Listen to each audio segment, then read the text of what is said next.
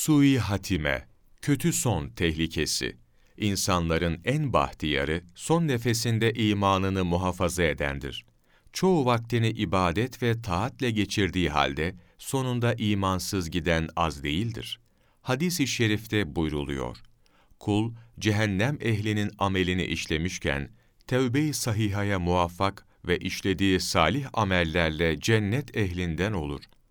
Veya cennet amelini işlemişken, gazabı ilahiye davet eden seyyiyat sebebiyle cehennem ehlinden olur.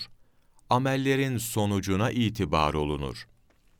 İşte insan, son nefesinde iman nurunu muhafazaya muvaffak olmak için, bütün kötülüklerden, günahlardan el çekmelidir.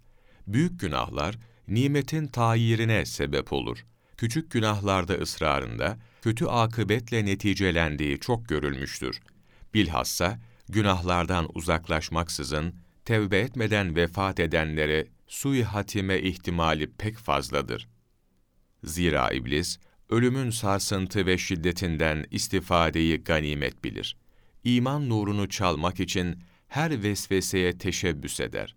Nitekim hadis-i şerifte, ölümünden önce şeytan gelip, Nasrani veya Yahudi dinini ikrar ve tasdik ettiğin halde vefat et diye aldatmaya teşebbüs eder buyurulmuştur. Cenab-ı Hak kullarına şu duayı talim buyurmuşlardır. Ey Rabbimiz! Bizi dini müstakime hidayet ettikten sonra ölüm halinde kalbimizden imanı selbetme. Cenab-ı Hak kuluna hidayet dilerse son nefeste Cebrail aleyhisselam rahmeti ilahiye ile yetişir ve yanından şeytanları kovar.